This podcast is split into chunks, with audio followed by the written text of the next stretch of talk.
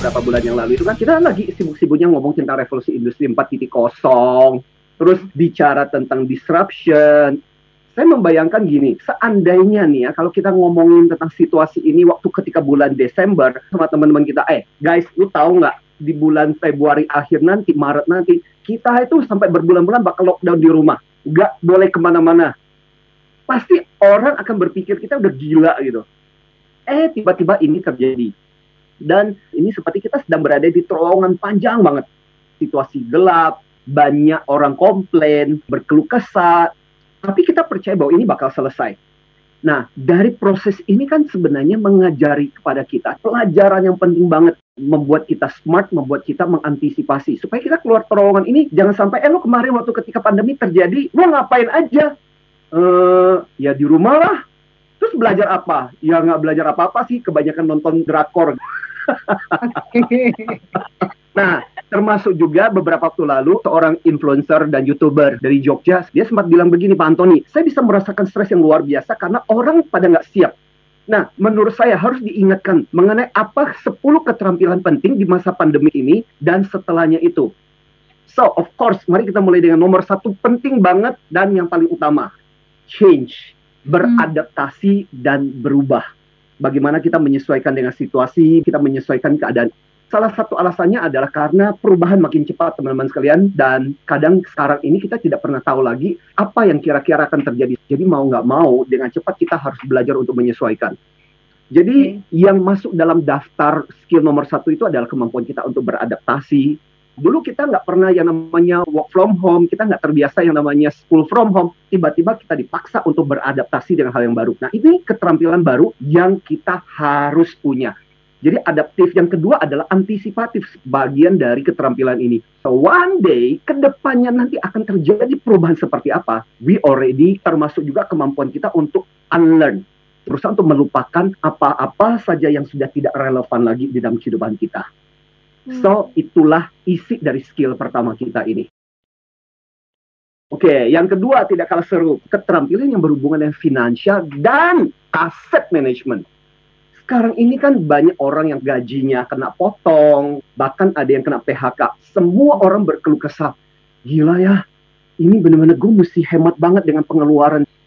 Pepatah kan bilang begini, bukan seberapa banyak yang lu dapat, tapi seberapa banyak yang lu bisa tabung atau berapa banyak yang kita bisa investasikan itu yang jauh lebih penting. Nah, part of dari bagian keterampilan nomor dua ini satu kecerdasan finansial. Berarti bagaimana kita mengelola keuangan kita dengan baik, dengan apa yang sudah kita dapatkan. Kemudian termasuk investing skill. Bagaimana cara kita menginvestasikan banyak orang selalu berpikir aku baru invest kalau aku punya banyak kelebihan uang. Tapi nggak selalu harus seperti itu. Belajar dari teman-teman yang ahli keuangan, investasi bisa dalam banyak bentuk. Yaitu bagaimana seni kita untuk menabung. Itu part of that. Dulu saya latar belakangnya kan psikologi. Di psikologi mana sih kita diajarin tentang keuangan dan sebagainya. Tapi ketika saya mulai masuk dan mengambil kelas MBA saya, di situ saya mulai merasa benar loh somehow in our life kita betul-betul perlu untuk belajar bagaimana caranya kita menata keuangan kita. Jadi pertama, berubah. Yang kedua, uang kita kelola. Yang ketiga apa? Kesehatan dong. Tadi aja saya diupdate lagi. Pak, tahu nggak hari ini status coronavirus berapa? Ini datanya. Hmm. Akhirnya di masa pandemi ini membuat kita benar-benar sadar. Kita jadi sangat-sangat health conscious. Sebuah kebiasaan yang kita tidak akan lakukan pada saat ketika kita waktu masa-masa kemarin itu boro-boro sanitizer cuci tangan aja kagak tiba-tiba sekarang menjadi harus mengurusi seperti itu. Jadi akhirnya kemudian kita diajari bahwa kesehatan itu penting.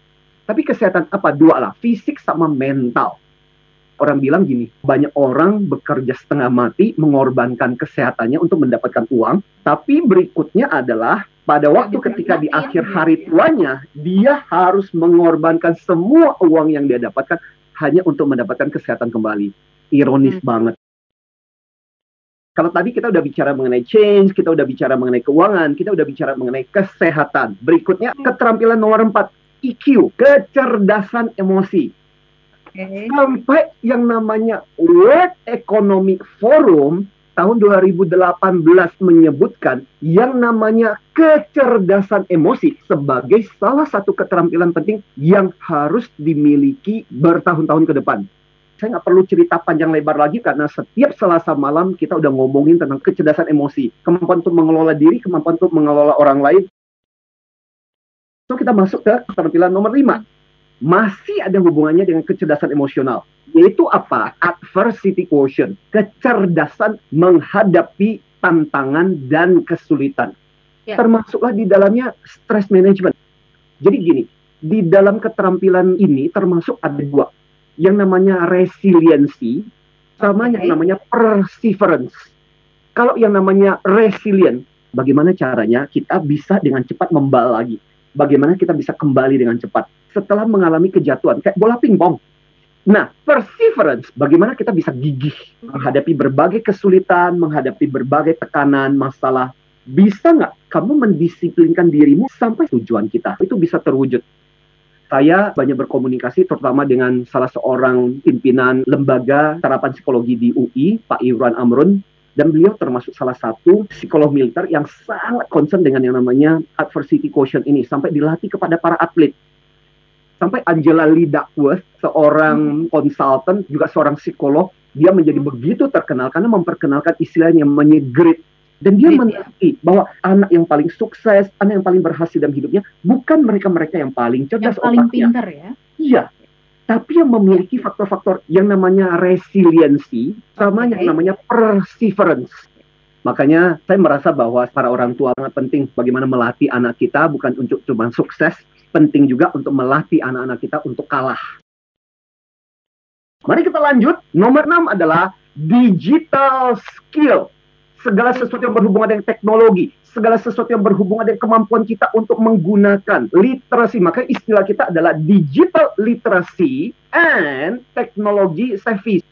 Jadi bagaimana cerdasnya kita untuk bisa menggunakan benda-benda seperti itu. Jangan kita membenci. Banyak orang tua, aduh kayaknya zaman dulu kita nggak butuh seperti itu. Nggak bisa. Coba perhatikan berapa banyak bisnis gagal dan kemudian nggak bisa beradaptasi. Karena ternyata bisnis mesti online. Dan ke depan bakal seperti itu. Nomor tujuh, kita mesti kreatif. Dan itu penting banget. Saya diceritakan satu kisah yang menarik. Sebuah tempat jualan pizza. Kan dia punya pemanggang yang sangat panas. Jadi dipakailah untuk membengkokkan plastik. Akhirnya bisa dipakai untuk face shield. Nah ini namanya kreativitas dan inovasi. Nomor delapan, yang namanya data analitik dan data mining. Mining itu menambang data. Hmm. Bagaimana kita bisa melihat data, membaca informasi. Yang saya sampaikan kepada Anda adalah juga informasi. Tapi bagaimana caranya kita menganalisa informasi dan menggunakan itu untuk sesuatu yang berhubungan dengan diri kita. Nah ini yang dibutuhkan. Hmm. Apalagi di masa-masa seperti sekarang banyak banget hoax. Nomor sembilan adalah marketing, branding. Okay. Lu punya produk sebagus apa pun, lu bisa punya service sebagus apa pun, tapi kalau lu nggak bisa jual, percuma. So the idea adalah gimana caranya kita bisa jualan, bisa meyakinkan, termasuk branding. Bagaimana kita mempresentkan diri kita. Kalaupun kamu nggak jualan produk dan barang, paling nggak gini deh, kamu harus merasa bahwa kamu menjual dirimu sendiri. Marketing, branding, terakhir nomor 10 adalah self and team leadership. Bagaimana kamu bisa memotivasi, bagaimana kamu membimbing dirimu untuk sukses dan berhasil. Karena sekarang ini orang sibuk. Nanya sama orang, aduh sorry ya, gue gak punya waktu. Jadi bagaimanapun juga kita harus punya kemampuan sendiri untuk itu. Di sisi lain adalah bekerja sama juga dengan orang lain, plus bagaimana kita membimbing tim. So, what is the keyword kompetent? itu singkatan K O M P E T E N. Artinya apa? K, kumpulkan pengetahuannya. Kemudian O, olah kemampuan secara rutin. One by one, bit by bit. Kemudian M, mulai dari dasar, bangun fundamental. Kemudian P, praktekkan kuantitas dulu. E, kemudian energinya harus konsisten dan persisten. Kemudian T, tanya mentor kalau enggak tahu kemudian elakkan komen-komen negatif pada diri dan orang lain. Dan akhirnya N, nilai dari kemajuan bukan dari keberhasilan. Bicara tentang ini, saya punya satu cerita tentang satu jam kecil yang protes sama bapak jam. Ayah, ayah, Gila ya, tiap hari aku mesti berdetak banyak banget. Bayangkan, dalam satu menit aja mesti 60 kali. Belum lagi dikali satu jam. Belum lagi satu hari. Sebulan, setahun. Saya harus berdetak berapa kali? Tahu nggak kata si ayahnya jam itu? Nah, kamu tidak usah berpikir terlalu panjang. Kamu cuma perlu berdetak sekali demi sekali, demi sekali, demi sekali.